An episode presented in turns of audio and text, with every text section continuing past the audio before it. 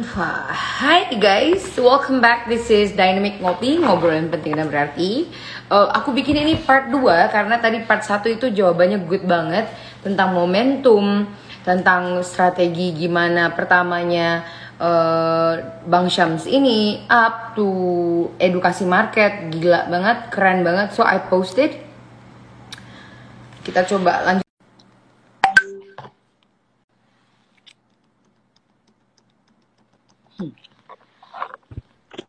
Hai. Halo Mbak Dayang. Bismillah. Yes. siap, siap Mbak Dayang. Ini harus pakai data. Aku kayaknya sinyal aku juga ini kayak bermasalah. Tadi sekarang aku udah pakai data better banget. Good ah, banget. bener. Sama juga. Siap. Lanjut kita nih kayaknya. Ya, internet. Anyway, eh, tadi kan kita ngomongin momentum ya Bang ya. Summarize dari Iya. yang part pertama. Thank you banget udah nge-highlight itu karena eh, aku rasa banyak banget ya teman yang eh, takutnya nyerah gitu loh Bang Syam si Bener, jalan. Karena kan bener. momen kita nggak mana tahu tapi ketika lu bilang memantaskan diri anjir kayak jodoh ya Eh, banget Bener, bener pas kayak jodoh.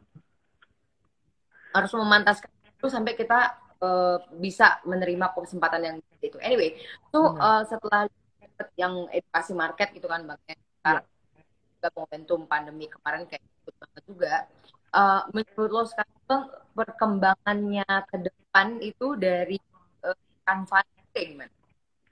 Perkembangan ke depannya ini kayaknya Canva juga akan semakin berkembang ya kayaknya Mbak Dayang. Karena kan eh, dia sudah jadi aplikasi desain gitu, aplikasi desain dua dimensi 2D ya biasanya. Nah, dia ada fiturnya juga, fitur video gitu kan. Nah, itu yang saya bilang makin berkembang karena dia kayak Mhm. udah tahu market ke depannya itu lebih suka sama video kan kayak TikTok orang lebih suka terus nanti Instagram Instagram Reels gitu kan mungkin teman-teman juga nah itu kayaknya dia udah lihat pasar ke sana makanya dia akan buat eh, Canva juga Canva for video jadi eh, kayaknya marketnya makin luas sih ke depannya Oke oke. So sebagai dokter kan susah nih nyari cuan ya. Jadi momentum Iya. tipe poin dapet cuan banyak itu dari Nah, sebenarnya ya, sebenarnya buat temen-temen juga pertanyaan sama sih gitu. Banyak dari Canva gimana sih cari cuannya? Sebenarnya ada dua pintu nih. Dua pintu Ah. Mbak Dayang cari cuannya. Buat extrovert dan introvert. Nah, itu udah enak banget. Nah, kalau extrovert itu sukanya jadi eh, sharing, isi seminar gitu kan, isi course gitu, buka course, isi seminar, pelatihan, workshop. Nah, itu yang saya ambil. Itu cuannya dari situ. Nah, kalau misalkan yang introvert, introvert gimana nih? Saya kan nggak suka ngomong di depan, gugup, eh, grogi segala macem. Nah, itu bisa langsung jadi konten eh, apa? Buka jasa desain fit, buka jasa desain gitu kan. Banyak teman-teman Hmm. saya buka jasa undangan pernikahan dari Canva. Itu udah keren Wow. banget. Bener, bener ada. Wow. Nanti saya share. Soalnya kan ada anak-anak grup kita namanya Canva Creative Talk. Itu itu suka nge-share itu jadi bikin semangat juga gitu sih. Mhm. Mbak Dayang. Ah, Gitu, oke. jadi ada dua pintu tadi. Dua funnel ya, either kita pengen jadi mentornya atau emang jual jasanya gitu. Tapi Betul. kalau di dulu kan aku kalau nggak salah, nah, come across kamu punya account, Ya. sorry, itu kayak masih eh, ribuan gitu ya kayaknya dua ribu tiga ribu kayaknya aku tuh udah Oh, bener. poin Bang Syams tapi yang kayak ini orang gitu kan sampai oh, ke Instagram pribadi aku komen-komen ini siapa sih orang ini? Kita satu Siapa? ke TPA yang Bang Jul gitu kan. Terus pas Iya. aku aku ngobrol sama Bang Jul juga tuh. Terus yang kayak eh Dayang kamu tahu ini nggak yang ini dokter apa tuh? Tahu gue ini suka ngobrol di Instagram aku Kagak kan oh oke. Iya, soalnya Hmm. soalnya emang dengerin kan de- dengerin waktu itu dari awalnya memang eh, Bang Julian ya, Bang Julian gitu, Bang Julian masuk podcast. Terus eh dilihat kok scroll scroll, wah podcastnya isi banget gitu. Ada Hmm. Civiki, ada Bang Ogut, wah ini keren banget podcastnya tuh teman-teman dengerin di Spotify keren-keren banget, ilmu banget itu. itu Ya. kalau belum dengerin itu, ah saya aja sampai nge-replay terus satu orang dua kali, tiga kali gitu kan. Enak sambil kita sambil nyetir atau sambil ngetik. Sebagai host. Iya. Kayaknya aku Hah? harus nge Iya, dua kali kali juga ya. iya, iya. Iya itu terus kan memang mungkin mungkin ya kelihatan mic-nya lah ya mic-nya juga mic mahal jadi suaranya tuh lembut banget gitu kan enak ngedengerinnya gitu dari awal terus memang nah tadi juga kan yang bilang uh, ke Badayang itu Mbak Jul, uh, Bang Julian memang Bang Julian itu sebenarnya awalnya mentor saya buat Instagram hmm. gitu yang ngajarin saya gitu yang ngajarin saya jadi konten kreator ya kalau belajar hmm. kanvanya sih belajar sendiri tapi kalau yeah. jadi konten kreatornya, meng mengkontenkan desain kayak saya itu dari Bang Julian gitu. Berawal dari share-share, emang keren banget Bang Julian. Iya, iya. Kalau dulu, kalau versinya Bang Syams, itu gimana? Uh, kan bikin konten, abis itu aktif uh, investasi yeah. sendiri. Nah, iya. dirimu, kayaknya dibalik lagi nih dirimu ke mungkin ribuan uh, followernya, ribuan yang dulu gitu kan. Kalau mau mulai konten kreator kira-kira step-stepnya kayak gimana ya menurut uh, Bang? Nah, step step pertama yang paling kita harus tetapkan goals uh, akhirnya itu apa? Karena hmm. kita ibarat uh, naik Gojek gitu ya, ibarat naik hmm. Gojek atau ojek online, itu kan kita harus nentuin titik poin kita tujuannya mau ke mana. Kalau kita mau pesen, bang pesen ya, oke saya jemput. Terus mau ke mana mas? udah muter-muter aja. Nah kan akhirnya muter-muter dan capek akhirnya menyerah.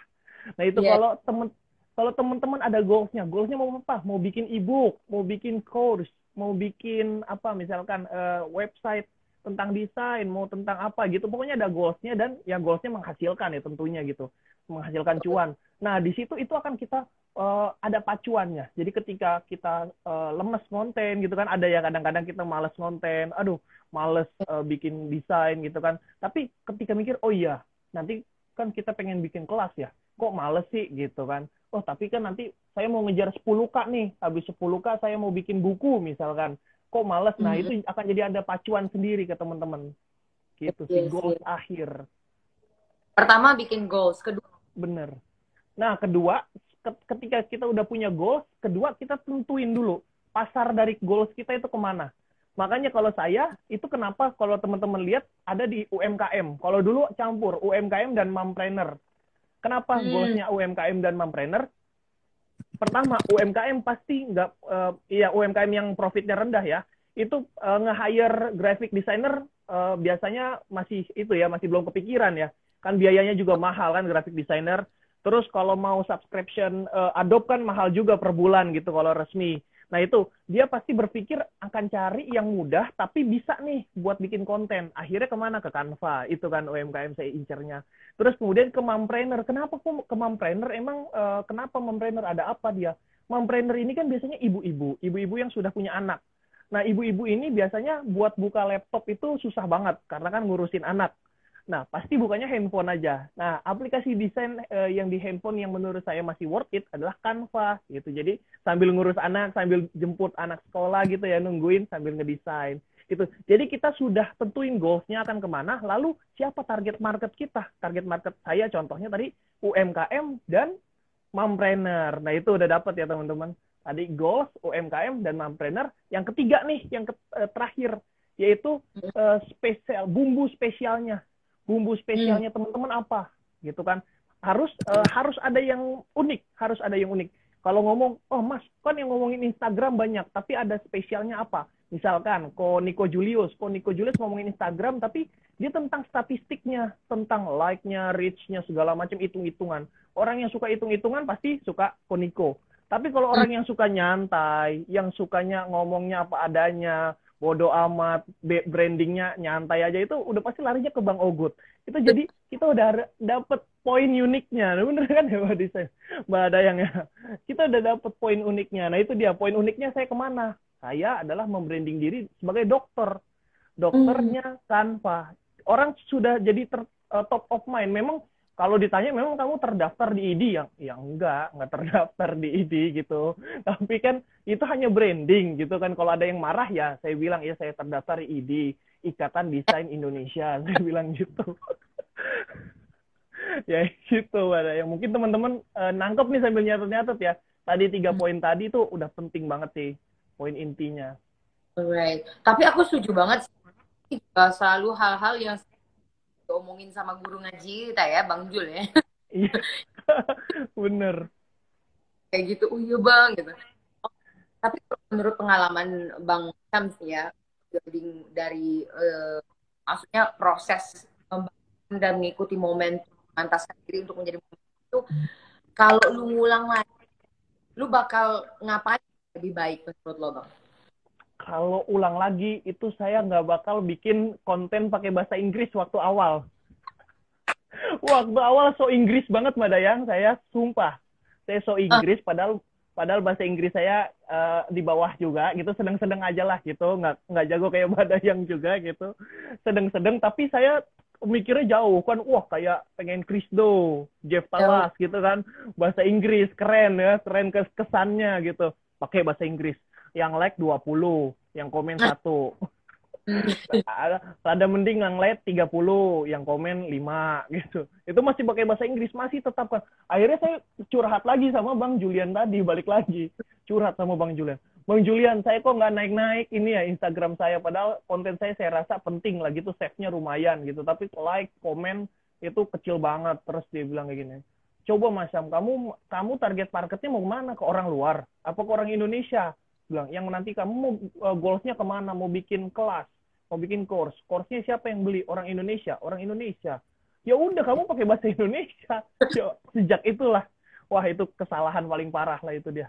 Uh, ego ngikutin ego ego diri sendiri lah itu. Wah keren nah, English. Bener. Bener. Itu teman-teman. Jadi yang ngerasa ngerasa desainnya udah keren pakai warna ini keren. Nah itu dilihat lagi deh. Keren buat kita apa keren buat audiens kita. Gitu uh, ada yang uh, identifikasi target market lagi ya bang ya? Bener. bener bener. Ada lagi nggak kira-kira? Tadi jadi uh, udah uh, waktu itu oh ya uh, riset. Riset tentang konten apa sih yang dibutuhin? Iya. Jadi setelah pakai bah berubah bahasa dari bahasa Inggris ke bahasa Indonesia terus saya kadang-kadang masih suka uh, pakai istilah-istilah yang keren gitu. Balik lagi ke keren lagi ya istilah-istilah ke keren gitu kan. Jadinya audiens kadang-kadang ada yang nangkep, ada yang enggak. Ini orang ngomong apa sih gitu kan ya. Kalau yang mungkin uh, pendidikannya biasa aja, ini orang ngomongin apa bahasanya tinggi banget gitu. Padahal kan audiens kita dari atas sampai bawah gitu. Nah, terus kena lah saya sama Bang Ogut. Bang Ogut pernah bilang bikin konten itu pakai gunakan bahasa sesederhana mungkin. Sampai hmm. katanya kalau uh, tukang driver driver abang angkot lah ya, abang angkot e, baca pun ngerti isi dari konten kita seperti itu. Nah itu wah itu nampar banget saya lah. Mulai dari ah, udahlah kalau ngomong pusing pusing lah, kalau ngomong misalkan susah susah gitu, nggak saya keren kerenin gitu mas. Ya, pokoknya apa adanya gitu ya, berarti ya. Bener bener. Hmm. Apa adanya aja, bahasanya sederhana agar mudah dicerna gitu lah mbak Dayang. Oh jadi kalau teman-teman nih hal yang memorable abang aku juga setuju sih bang jangankan abang ya maksudnya kita juga yang bikin konten teman-teman desainer freelancer yang sekarang ikutin kita ataupun I don't know bisnis owner gitu kan ya yang lagi yeah. nonton uh, jebakan Batman ya uh, tidak mengetahui lanjut tentang target market nih yang benar-benar menyakitkan ya bang ya iya benar gitu, benar. Tapi kok nggak nggak gitu kan? Kok nggak ngefek strateginya? Bener. ada apa? Kalau menurut uh, ketika hal itu terjadi gitu kan kan dirimu akhirnya menganalisa behavior kan? Akhirnya oh yeah. target market apa orang Indonesia gitu? Goals yeah. apa? Oh pengen bikin kelas. Kalau menurut Bang Kams nih apalagi ya yang harus kita analisa untuk memperbaiki uh, pengetahuan kita gitu atau pemahaman kita target market apa ya yang harus kita analisa ya bang ya? Nah, yang kita harus analisa adalah tren berikutnya, tren ke depan, tren bisnis ke depan berikutnya waktu itu pernah juga di talk show saya baca uh, Sandiaga Pak Sandiaga hmm. Uno yang sekarang udah diangkat menteri keren juga sih memang kan uh, pemikirannya itu hmm. Uh, beliau kasih tiga tiga poin utama yaitu pertama adalah ya uh, bisnis yang berbau teknologi nah teman-teman itu usahanya sudah teknologi belum teknologinya gimana mas kan saya misalkan kuliner saya iya. misalkan yeah. fashion nah itu hmm. teknologinya gimana teknologinya adalah ya udah kamu fashion tapi kamu juga punya dong kanal website gitu kan hmm. kamu punya Instagram kamu punya TikTok gitu kan ya nah itu sudah masuk ke ranah teknologi seperti itu nah terus yang kedua adalah yang berbau uh, kesehatan atau berbau uh, herbal lah ya gitu maksudnya. Jadi nggak nggak kimia-kimiaan gitu kan. Apalagi sekarang kan ada pandemi COVID segala macam. Nah itu orang-orang uh, lebih larinya ke sana, lebih ke hmm. kesehatan. Jadi itu bisa di dikombinasikan uh, lah ya bahasanya dikombinasikan. Jadi dikombinasikan misalkan uh, kita dengan memakai baju ini ternyata baju ini bisa menyehatkan. Kenapa? Karena menyerap keringat, semisal gitu kan. Nah, terus habis itu yang ketiga, yang ketiga adalah, nah itu dia menjadi konten uh, kreator atau menjadikan uh, barang jualan itu sahabat. Jadi sekarang hmm. bukan mungkin Mbak Dayang udah tahu ya, kan ada dulu B2B sama B2C ya Mbak Dayang ya. Bisnis to bisnis gitu ya, ada bisnis to customer. Nah, sekarang ada lagi namanya heart to heart. Heart to heart. Jadi iya, benar jadinya dari hati ke hati. Jadi produk itu dibilang uh, apa ya sahabat lah ya. Dijadikan sahabat gitu kan ya. Dijadikan teman uh, kebiasaan sehari-hari gitulah. Jadinya dijadikan sahabat teman-teman. Gitu. Iya, iya. wah thank you banget. Uh, aku harap ya teman-teman yang juga stay tune di sini. Aku nggak peduli berapapun orang itu. Jujur ya banget setiap kali aku ini setiap kali aku live nih bareng teman it's amazing gitu loh kayak bagaimana bang inspirasi kita untuk tetap terus uh, konsisten tetap harus semangat berkarya gitu. dan kasih Benar. secara cuma gitu kayak apa yang harus kita analisa itu kan pertanyaannya anjir abis ini gue bisa ngelakuin oh ternyata hmm. kalau kita bisa double check lagi diri kita dan aku harus masih stay tune di sini langsung ngelakuin hal itu benar setuju ya. banget mbak Dayang aduh mantap jiwa aduh uh, buat buat buat apa course online bareng. Boleh nih kayaknya. Boleh pada yang nanti kita sama teman-teman kayak Mas Julian kemarin kan bilang katanya ngisi sama uh, teman-teman uh, Dynamic. Boleh nanti kita ngezoom bareng santai-santai ngobrol. Terus ngomong juga tuh sama Bang Jul. But anyway uh. itu kita belakangan ya. Iya. Iya. Siap Ini siap. uh, pasti teman-teman yang ada di sini pengen tahu nih kalau udah punya rumusnya tadi kan nentuin goals habis itu bikin uh, bikin apa tuh namanya market lu harus jelas dan punya keunikan buat konten. Nah, uh, bag apa sih strategi optimasi yang lu gunain sehingga lu melejit itu banget gitu. Gue tak tuh pas gue cek tuh marketan. Terus habis ribuan, tiga ribuan, terus sekarang anjir. Nah, gimana? Kacau jadi jadi pertama pertama itu kita kita tahu uh, kompetitor kita hmm. kita tahuin kompetitor kita gitu terus sama mungkin uh, quotes-nya Han Ji Pyong saya suka banget gitu yang startup itu bilang kalau kamu nggak bisa lawan musuh kamu kamu jadi pasukannya hmm. nah ini berlaku di semua hal ya nah yeah, yeah. itu saya saya lakuin strateginya di Instagram saya saya ngelihat wah siapa nih uh, kreator desain yang gede-gede gitu ya followersnya gede pencintanya pecinta desain gitu ya siapa? Saya lihat oh ada. Saya catat ini ini ini ini. Oh ya udah akun ini saya targetin. Targetinnya gimana? Ya hmm. kita pas dia posting kita lihat. Dia posting tentang temanya apa. Terus yeah. kemudian hashtagnya yang dia pakai apa gitu ya kan? Kita analisa kompetitor lah. Terus yeah. terus kita lihat yang suka komen dan yang suka like itu siapa sih gitu oh nah kan itu kan udah mulai ke filter ya kan? Oh oh anak muda. Oh ibu-ibu. Oh di sini. Oh iya ibu-ibu UMKM. Oh ah udah dapet. Oh itu yang kita senang. Yang wow. disenengin gitu ya. Nah itu langsung kita deketin orangnya. Deketin orangnya gimana? Ya saya hello aja. Yang dari hmm. komen itu kan ada hmm. misalkan misalkan saya saya komen ke uh, tempat uh, dynamic gitu ya. Saya komen wah keren banget kontennya Nah, itu kan terus ada orang lagi oh, yang komen-komen-komen. Oh, yang ini nih. Berarti ini kan suka kontennya tentang yang ini nih. Bahas tentang tren 2021 misalkan.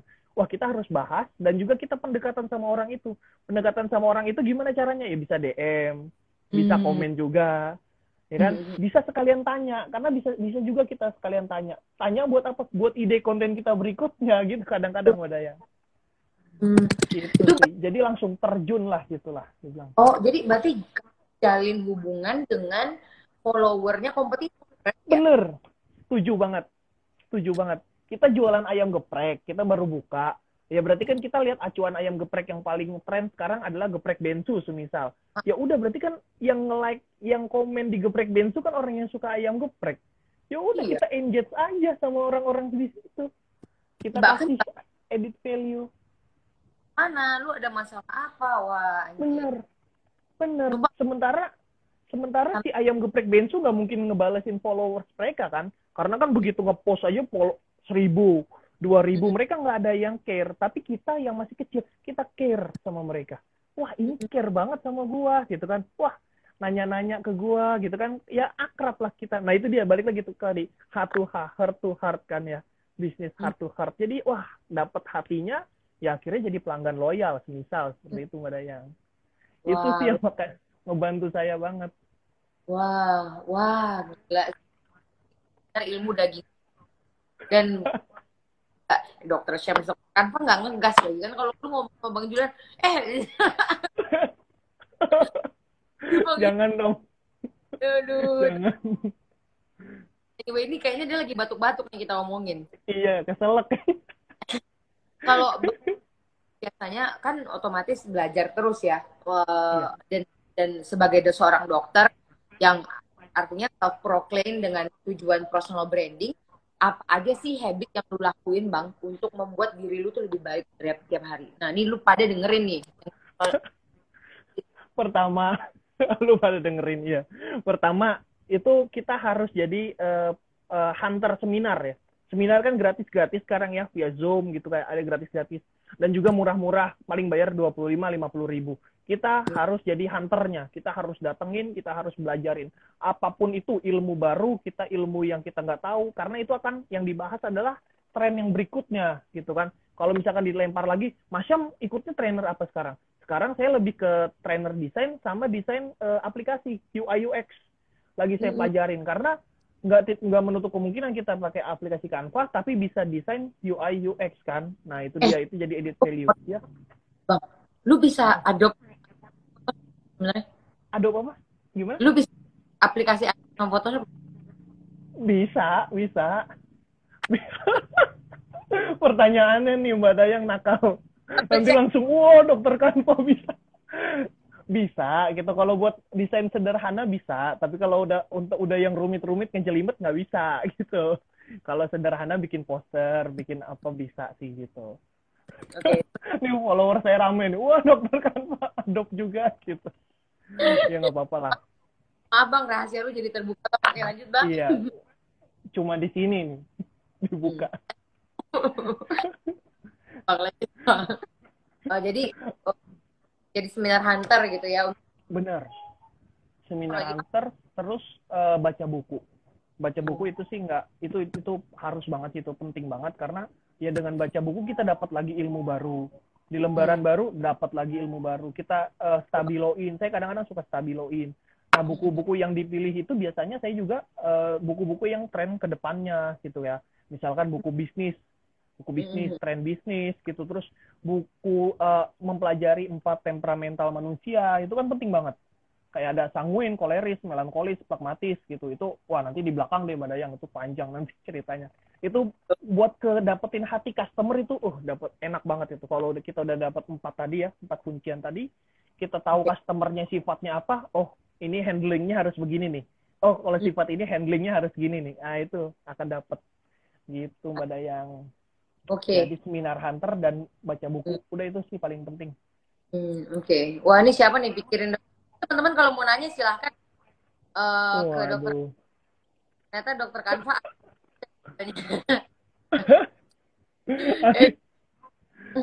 Oh bang bang tadi kan ngomong ya jujur eh, eh, apa namanya ini menarik banget buat dibahas lu ngomongin tentang ya gue baca buku gue seminar gitu kan means kayak lu emang mengalokasikan buat nginvest ke diri lo sendiri. Nah eh, yang jujur ya gue hadapi sekarang itu ada saking overwhelmnya kita dengan dengan informasi dan juga prediksi-prediksi tren 2021 gitu kan. Gue jadi yang kayak ini yang harus gue ambil duluan yang mana ya? Gitu. Uh, sebelum jawab itu gue pengen tanya dulu pertanyaan banyak lu sekarang selain jadi freelancer uh, ini dan juga pembicara buat kantor ada pekerjaan tetap lagi nggak? Jadi ada digital marketing. Oh lu punya agensi gitu? Oh bukan, uh, bekerja, bekerja di uh, freelance, uh, jadi digital marketing gitu. Ngapain tuh? Jadi lebih kalau digital marketing itu kayak kalau saya lebih uh, ngelola semua ya. Kayak misalkan kayak Mbak Dayang deh gitu. Ada company gitu kan minta tolong oh handlein deh website gua sosial media gua. Nah gitu. Nah itu saya ke sana. Tapi lebih ke digital marketing. Jadi nggak sosial media doang lebih ke websitenya gitu ya. Terus kayak kemarin juga bikin kalender gitu. Desainin kalender juga gitulah. Tapi lu di sana. Eh gimana? Mana yang lu di gitu ya bang ya di apa tadi maaf keputus di company itu oh enggak ya ya freelance saja freelance jadi oh. memang terlepas aja uh -uh. oh oke okay. masa suaraku putus-putus oh coba iya, iya. harus aku tahu agak putus anyway. sedikit sih uh. ya oke okay. anyway uh, apa nah yang pertanyaan gue sekarang adalah uh, bagaimana lu memprioritaskan masalah mana yang harus lo selesaikan bang? Lu kan juga freelance banyak banyak ya mana-mana dan lu juga ada keluarga yang harus lu kasih makan ada investasi. Wah pengen beli laptop oh my god banyak banget. Lalu mengaturnya bang. Nah Maaf itu ya, mengat hmm. mengaturnya jadi ada tiga tiga poin sebenarnya tiga hmm. poin uh, tiga poin inti yang buat kita filter utama gitu tiga hmm. poin fil, uh, filter utama adalah yang pertama adalah uh, keluarga keluarga hmm. itu udah paling pertama karena ya kita udah ngerasain ya saya juga waktu itu udah pernah ngerasain tipes sakit tipes dan tiga hari empat hari nggak posting engagement turun abis begitu posting lagi yang like cuman 20 30 ya balik lagi gitu kan yang komen gitu nah tapi nanti kalau udah konsisten lagi balik lagi itu keluarga pertama keluarga ya kita harus kasih quality time segala macem lah gitu. Yang yang kalau kita ada waktu waktu luang kita nggak ngapa-ngapain ya udah sama keluarga gitu. Yang kedua adalah kebutuhan hidup. Nah ini nomor satu sama dua itu berkesinambungan. Yang ketiga adalah baru passion kita mbak Dayang. Nah hmm. jadi ketika begitu ada inputan masuk ada to do list ya ada to do list masuk tes to do list ini masuknya ke mana nih ke passion kita, ke keluarga, ke kebutuhan hidup. Endingnya ya, misalkan ngisi workshop, ngisi workshop endingnya adalah ke kebutuhan hidup gitu ya, ke kebutuhan hidup, tapi juga memenuhi hasrat passion kita. Nah itu boleh masuk. Oh itu jadi prioritas. Poin pertama prioritas gitu kan. Isi seminar, isi seminar, eh buk, isi seminar, uh, join seminar, join seminar gitu baca buku itu masuk endingnya ke mana? Endingnya cuma ke passion. Oh ke passion berarti kita nanti malam. Hmm. setelah mungkin keluarga sudah tidur gitu ya anak istri kalau saya kan udah ada anak dan istri juga itu sudah hmm. tidur. Misalkan nah itu baru baca buku bikin konten gitu kan. Uh, mulai siap-siapin materi buat kelas misalkan. Nah itu lebih ke sana. Terus mungkin ada yang pertanyaan wah saya sekarang pekerjaannya nggak memenuhi passion saya nih. Gimana? Misalkan saya per, pekerjaannya ada loh uh, teman-teman kanva saya dia hmm. pekerjaannya adalah cuman uh, pengisi pom bensin, Mbak Dayang. Wow. Jadi pengisi pom bensin, iya serius. Dia di waktu-waktu selang dia pakai Canva buat, iya ngedesain-desain, bikin-bikin konten gitu. Terus saya bilang kayak gini, saya passionnya ngedesain mah, saya seneng banget sama desain segala macam, apalagi ada Canva pakai HP bisa. Saya bilang, ya udah nggak apa-apa, kamu isi pom bensin gitu ya, kamu kerja sebagai pengisi pom bensin, kamu digaji digaji itu hmm. pendapatan kebutuhan hidup. Dapat poin pertama kan? Poin eh poin yeah. kedua keluar kebutuhan hidup bisa memenuhi keluarga kamu. Poin pertama poin kedua sudah terpenuhi uh, nah begitu kamu malam pulang dari pom bensin uh, kamu konsen belajar di situ. Kamu habisin waktu buat passion kamu. Karena hmm. di situlah waktunya gitu. Nah nanti ketika kamu gajian gitu kan, disisihin lagi waktunya. Waktunya buat apa? Buat investasi leher ke atas. Misalkan ikut workshop, hmm. ya kan? Ikut seminar. Nah itu akan meningkat, meningkat, meningkat. Bikin konten. Nah itu nanti akan menjadi passion kamu yang akan memenuhi kebutuhan hidup dan keluarga. Nah, ini nangkep nggak ya teman-teman? Mungkin agak berat nih bahasanya. Tapi intinya tuh kalau aku pengen iniin summarize tuh tiga tadi ya cara memfilter Benar. Nah, itu Benar gitu ya. Atau apa yeah. yang paling buat kamu? Kalau lu kan udah nikah gitu kan bang ya. Apa yeah. atau apa gitu kan maknya gitu kan. Why-nya betul. yang kedua baru tadi itu ada lu bisa makan atau enggak? Ini ngaruhnya nah. dan terakhir baru ke passion gitu ya bang. Baru passion. Pas simple tapi bener ya bang. Sampai tau gak sih lu kayak problem banyak? Gue tau gak sih? Ini masalah gue doang yang yang gue tahu ini masalah alam semesta gitu Alam semesta mbak Daya. Saya juga gitu. Heeh. Eh, ternyata pas di research gue riset di Nielsen banyak sekali para pemuda pemudi tidak berprogresif karena tidak membuat keputusan Ah, oh yang kayak yang bener. bilang tadi gue cek banget loh sama dan lu bilang eh, Iya. sambil nyambilan Canva emang dia tahu gitu ya tes gue apa hidup gitu Iya, benar, benar. Dia, dulu dia dong ter- dulu. Tos online. Nah iya itu dia, dia tahu passionnya dia ke mana gitu dan terus dia mau tahu ini akan arahnya ke mana. Passionnya dia siapa tahu dengan dia membuat konten dia ternyata dipanggil eh, bikin undangan gitu kan, ada yang bikin undangan, jasa bikin undangan dari Canva, bikin poster dari Canva gitu kan, itu kan lumayan. Ya misalkan dapat bayaran 100 ribu, 200 ribu itu udah lumayan banget buat dia. Gitu Hmm. Mbak Dayang. Jadi Oh. ya itu tiga poin tadi tuh teman-teman buat dicatat.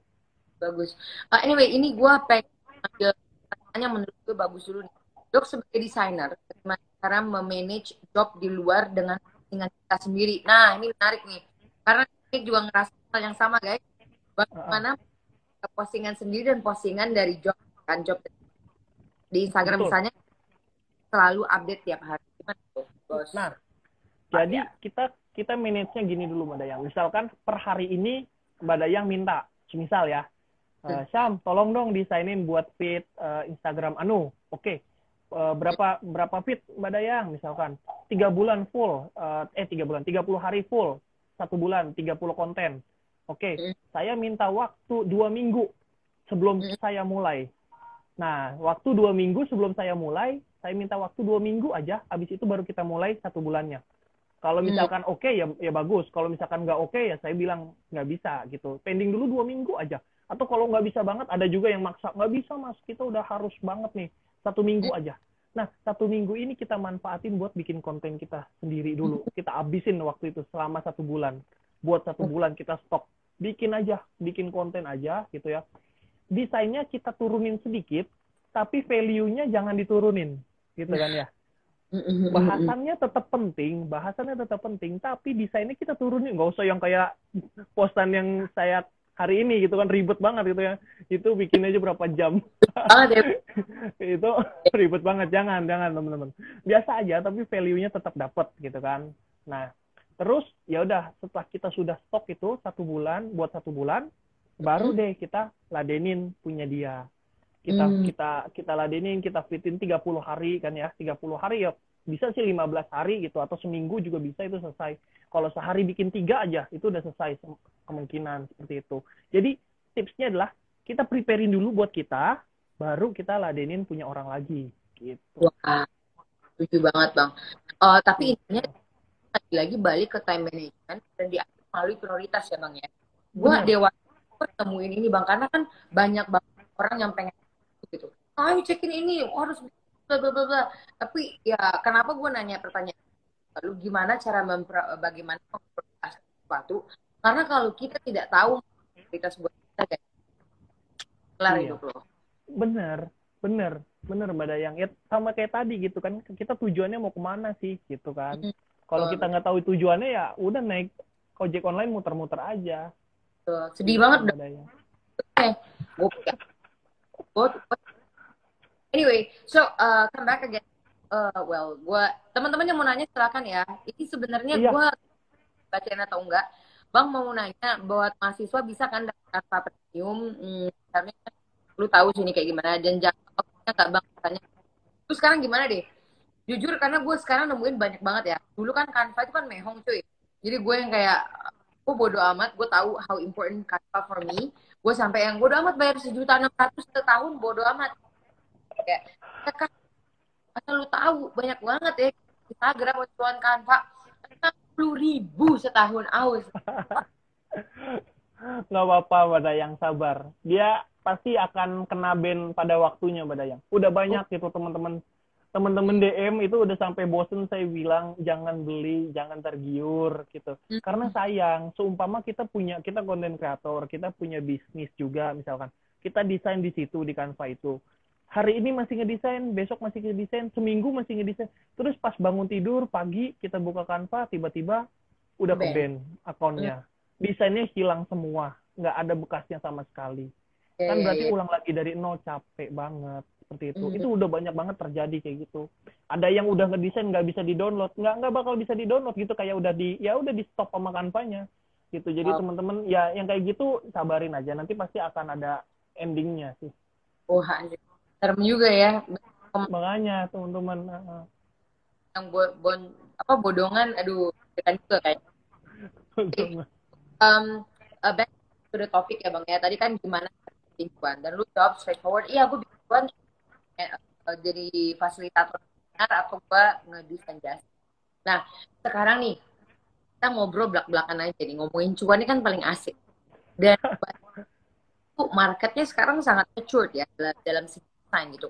Orang Iya. tuh kayak nggak di Indonesia di luar negeri kayak Fiverr, Upwork, ada freelancer.id banyak banget orang-orang bisa ya nyari orang buat ngedesain itu harganya jatuh banget. Kalau versinya Canva sendiri cari cuannya, cari klien sendiri tuh Nah, kalau saya biasanya dari eh, ngandelin strategi word of mouth ya. Jadi dari mulut ke mulut dulu pertama. Pertama itu buat teman-teman yang mau mau mulai itu dari mulut ke mulut dulu. Gimana Mhm. dari mulut ke mulut? Itu adalah kalau misalkan ada loyal kas. Oke. Nah, kalau ada eh, loyal customer, gitu kan customer loyal gimana sih maksudnya? Maksudnya kalau kita kasih harga dia nggak nego, kita kasih desain dia revisinya ya sekali dua kali gitu. Nah itu itu kita kasih servis khusus, kita kasih servis pelayanan penuh. Walaupun udah selesai ngedesain, udah nggak ada job dari dia, tapi kita tetap tegor-tegoran. Nah itu akan dapat ih Hmm. sama sama Masyam aja ngedesainnya. Kenapa? Desainnya bagus, orangnya baik. Nah itu akan dapat. Nah itu dia itu itu akan kalah lah sama orang yang tiba-tiba ya kita ngebayangin aja lah ada orang ada saya udah jelas-jelas misalkan udah dapat tadi dia referensi gitu ya harganya mungkin agak tinggi ketimbang dia cari di mungkin di situs freelancer harganya murah. Nah orang pasti akan memilih percaya dengan referensi dari temennya kan? Kan Ya, testimoni dari temennya. Ketimbang sama orang yang nggak kenal harganya murah. Nah kan orang curiga kok kok bisa harganya murah? gitu ya. Ya kalau misalkan memang desainnya nggak terlalu rumit sederhana ya bisa saja murah gitu ya. Tapi kan kalau udah rumit atau mungkin banyak gitu kuantitinya kayak tadi langsung sebulan 30 konten itu kan nggak mungkin murah gitu sih teman-teman. Jadi pertama adalah manfaatkan word of mouth atau referensi ya dan juga kalau buat layar loyal customer itu kita servis habis-habisan ya teman-teman jangan udah jangan mau eh, ini jangan takut rugi lah kalau sama loyal customer karena dia udah loyal sama kita masa kita nggak mau loyal sama dia gitu sih mbak Dayang Oh, jadi lo customer lah istilahnya kamu dapat. iya Kalau dari personal brand sendiri atau ada ads atau gimana nggak? Ada nggak bang? Kayak gitu-gitu. kalau kalau Dari- personal branding eh, mungkin ya itu dari dari akun Instagram sih memang. Dari akun Instagram kita eh, branding dengan ya itu dia. Kalau misalkan saya eh, agak kurang senang ya. Agak agak kurang senang kalau bilang kayak gini "Ih, followers tuh nggak penting gitu. Nah itu saya kurang senang. Karena apa? Karena orang itu bisa muncul trust gitu. Bisa muncul kepercayaan itu dari oh orang ini followersnya banyak. Yang Hmm. like dan komen juga banyak. Oh setiap komen dibalesin. Orang ini baik nih berarti gitu kan orang ini amanah nih ya contohnya gitu ya amanah. Karena mungkin saya suka eh, munculin muka saya munculin keluarga saya gitu ya. Kalau saya kasih job nggak mungkin orang ini kita kasih duit terus dibawa kabur nggak mungkin. Saya tahu mukanya gini nih orang keluarganya ini gitu kan. Terus ya itu dia followersnya banyak banyak yang suka. Kan mem- memunculkan trust.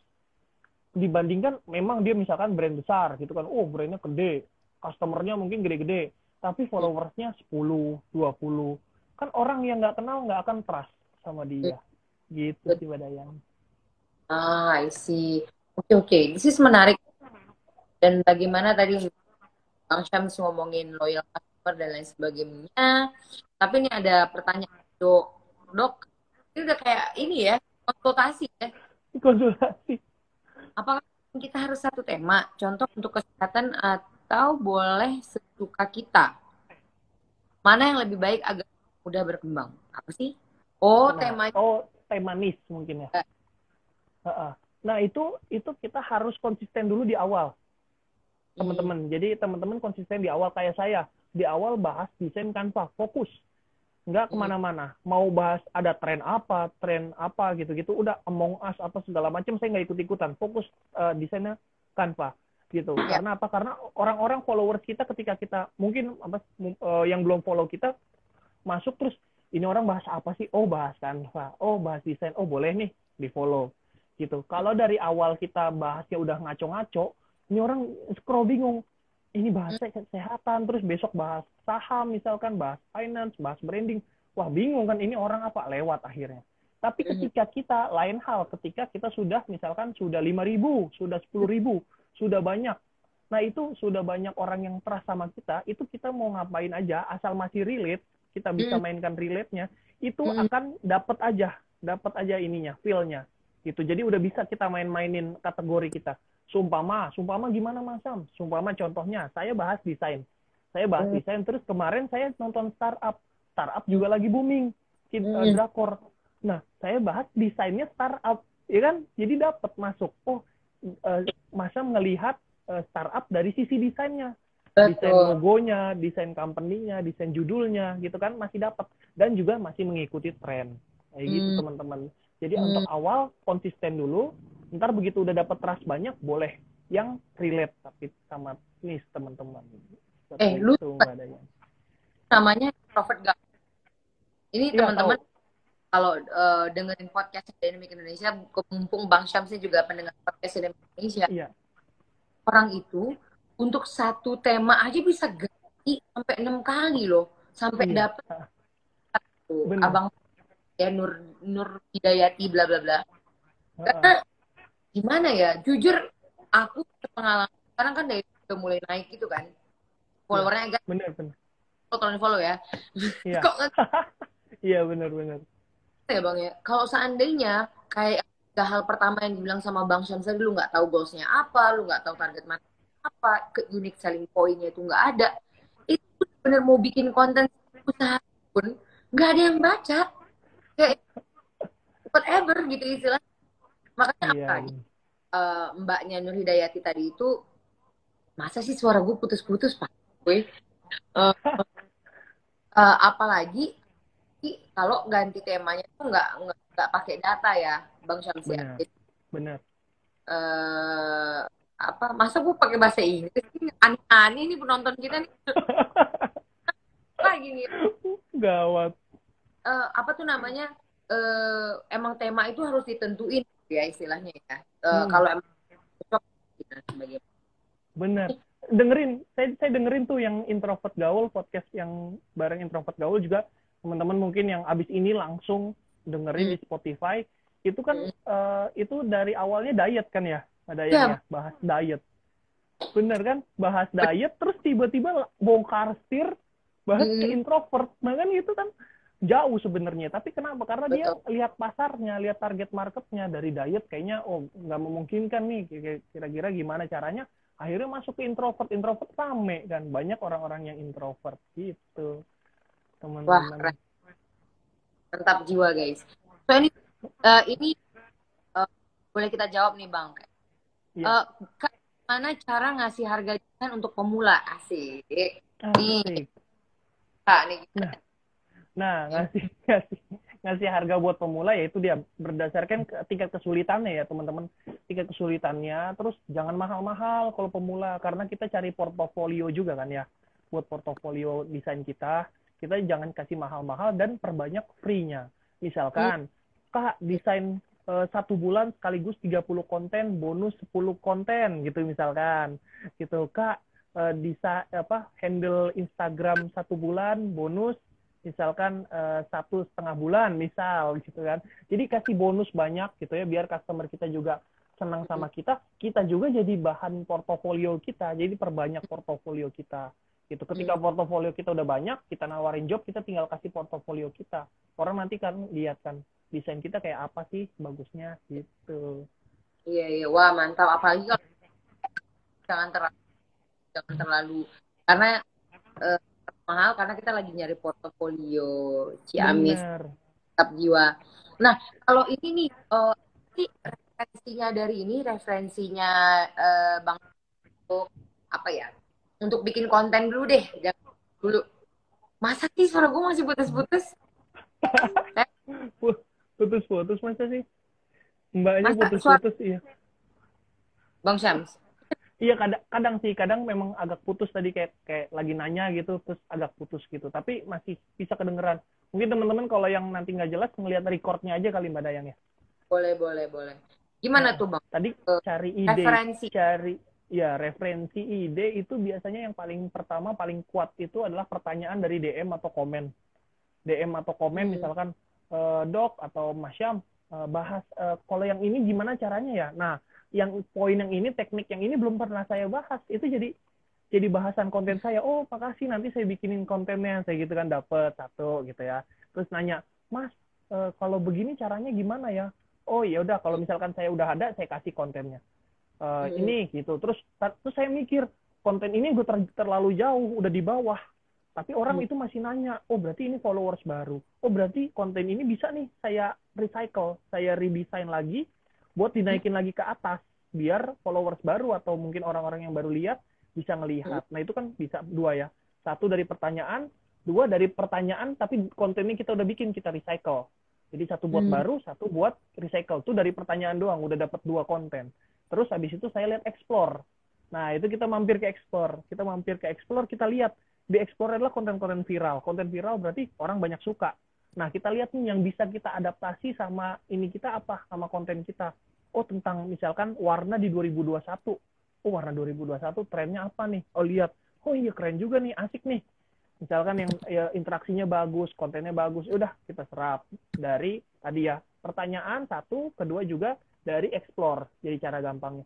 Yang ketiga adalah yaitu dia balik lagi ke kompetitor. Saya senang banget sama kompetitor. Jadi kompetitor itu numbuhin ide juga gitu kan ya. Jadi jangan berkompetisi sama kompetitor kita yang besar. Kita jadilah pasukannya dia, gitu kan. Kita jadi followers dia. Terus yang ketiga yang terakhir biasanya saya cari di ya udah ya udah kalau udah kepepet banget caranya di Pinterest sama di Behance. Pinterest.com ya teman-teman udah tau lah Pinterest ya sama Behance. Behance.com itu bagus-bagus juga desainnya. Begitu Mbak Dayang. Oke. Okay. Teman. Siap siap. Mbak Mbak Nur Hidayati ya sejak kapan di scroll sampai ke bawah ya konten ya. ya terus semuanya. Oke, okay, so Siap, what's next buat dokter Kanva nih? Mumpung banyak yang what's next for Nextnya yaitu dia lagi merampungkan course, itu udah banyak banget yang nanyain, Kanva bikin course-nya dong, course yang dari nol segala macam gitu. Ya saya saya uh, lagi rampungkan lah ya gitu, lagi rampungkan terus kemudian mau mau memperbesar lagi lah mau memperbesar lagi pembahasan tentang desain melalui nanti saya ada rencana juga. Nah di course itu saya coba bikin di website. Makanya sekarang lagi belajar UI UX hmm. gitu. Jadi hmm. teman-teman ya mungkin kalian sharing sama teman-teman kalau kita sudah di sudah lumayan lah gitu ya. Maksudnya masalah kanva sudah kita satu ilmu ini kita harus buru-buru nih lari ke ilmu yang lain karena nanti ketika ilmu ini udah nggak zaman lagi gitu ya kita kan nggak ada yang tahu. Siapa tahu Canva habis ini bangkrut kita nggak tahu. Terus website tutup. Nah udah nggak ngapain lagi kita bahas ya? Kita harus ada keran keran-keran yang lain lah. Keran-keran ilmu keran-keran skill yang lain. Seperti itu Mbak Dayang dan teman-teman. Kalau ini bang kayaknya juga enak ya buan gitu. Oh, oh tadi bilang kan habit itu uh, seminar hunter dan baca buku. Tapi hmm. kalau gue tanya uh, kalau se uh, ada habit nggak sih sukses gitu? Atau gimana? Gimana mbak? Maaf. Habit habit huh? yang lu lakuin yang cuan ya nggak? Habit yang saya lakuin dapat cuan. Uh, biar tambah cuan gitu. Oh kalau oh. pagi atau lu ini atau apa gitu ada nggak? Ya itu heb jadi kebiasaan kita terus biar dapat cuan itu ya ya itu biasanya ngebisnis sih Mbak Dayang. Jadi selain kita jadi konten uh, kreator, kita juga harus ngebisnis lah. Bisnis apa misalkan. Nah itu misalkan jangan misalkan kita tentang bahas desain, terus bisnis kita juga ber, uh, berurusan dengan desain. Itu boleh. Tapi kita harus cari lagi nih yang lain. yang lain apa nih misalkan oh saya juga suka makan ayam geprek gitu ya udah kenapa nggak jualan ayam geprek gitu coba kita jualan ayam geprek gitu kan karena kita udah mengetahui rasa ayam geprek yang enak yang mana seperti ya, ya. itu ya. dan yang pertama ya tadi kalau berkaitan dengan habit adalah ya udah pertama bangun pagi pada yang dan teman-teman bangun pagi itu udah uh, wajib lah kalau teman-teman mau maju terus Oke, okay. uh, eh, bang. Tadi gue jujur aja, gue harus karena gue yakin banyak banget di sana yang pengen tahu, tahu nggak apa? Banyak lu nyels bang. Tadi kan lu bilang, oh ya, lain kayak gitu. Tapi apa strategi sales lu? Karena karena lu bilang kalau introvert, sama desainer kan biasanya sukanya ya udahlah gue gini-gini aja. Kan? Apa sih strategi salesnya dokter? Pak? Nah, strateginya adalah kita memotivasi kita memotivasi Mbak Dayang karena orang nggak suka dijudge kita nggak suka daripada kita ngejudge orang eh lu kalau nggak ngedesain lu nggak bikin konten wah lu nggak bakal maju daripada hmm. dijudge gitu mending kita motivasi eh ayo pakai Canva ayo hmm. saya selalu bilang kayak gini kalau ada orang yang uh, komennya mungkin agak pesimis mungkin agak mungkin lagi down gitu mungkin dihina gitu saya langsung bilang kayak gini kalau kamu hmm. dihina, kamu langsung lihat akun ini, kamu langsung bisa DM saya, bisa komen sama teman-teman di sini. Karena akan ada 28 ribu orang yang belain kamu. Saya bilang, kamu dijudge orang mungkin satu, dua, tiga di situ. Di sini ada 28 ribu. Dan ini teman-teman kamu. Karena di sini adalah para pengguna Canva. Gitu sih, Mbak yang saya motivasi. Nah itu dia. Orang jadi terasa, wah bener ya? Gitu pasti akan, akan terasa gitu sih, kebanyakan. Hmm, wow, ada 28 ribu Benar. Ya, lupa. Anyway, itu udah hampir satu jam dan gue nggak mau ditutup tiba-tiba oleh. Ya. uh, closing terkanva kepada Dynamic Nation ke teman-teman yang ikutan live uh, konsisten hari ini. Silakan bang. Oke. Okay. Uh, closing statement aja berarti uh, closing saya itu biasanya adalah uh, jangan sia-siakan waktu, jangan hmm. sia-siakan konten. Jadi jadi jangan sia-siakan waktu, jangan sia-siakan konten. Kenapa? Hmm waktu itu waktu kita sia-siakan kita nggak tahu nih misalkan kita punya waktu satu jam ternyata satu jam itu bisa kita bikin konten nah kontennya itu juga jangan disia-siakan kontennya jangan asal bikin jangan uh, bikinnya jelek juga karena kita nggak ada yang tahu kita kayak kayak Mas Julian Mbak Dayang hmm. ngelihat konten saya kalau kalau ya suatu uh, waktu dulu aja gitu Mbak Dayang pertama kali ngelihat konten saya jelek gitu ya hmm. nggak hmm. ada manfaat gitu bikinnya seadanya nggak mungkin juga mbak yang follow saya nggak mungkin juga mbak yang tegur sapa gitu kan nah begitu hmm. juga ke teman-teman siapa tahu aja yakin kita nggak ada yang tahu walaupun follower 100 200 tapi ternyata ada business owner yang visit ke profil kamu. Nah itu ya, jadi itu. jangan sia-siakan konten jangan sia-siakan waktu. Itu hmm. dua hal itu. Luar biasa. Powerful. Terus siap siap padanya konten. Itu kanva oriented banget. Daripada lu tanpa aja udah. Ini thank you banget ya. Siap, bang. siapa yang stay tune sampai kali ini. Mohon maaf banget nih kalau ada kata-kata yang salah. Terima iya, kasih. sama-sama dynamic support uh, supporternya gue tahu banget gede banget peran lo di sana and every voice is matter uh, thank you ya bang lupa lo Dr. Syams ya Dr. Syams bang ini bang Syams apa dan juga Pastinya ada Indomie Indonesia. Mohon maaf kalau ada kata yang salah. Pasti. Dan Syamas. Oh. Dokter Kanva. Udah gitu aja. Oh, ya. Banget sumpah anaknya anjir kayak ini Return permen lucu banget. Salam dari on. Siap, okay, ada yang makasih. Bye bye. Assalamualaikum. Waalaikumsalam.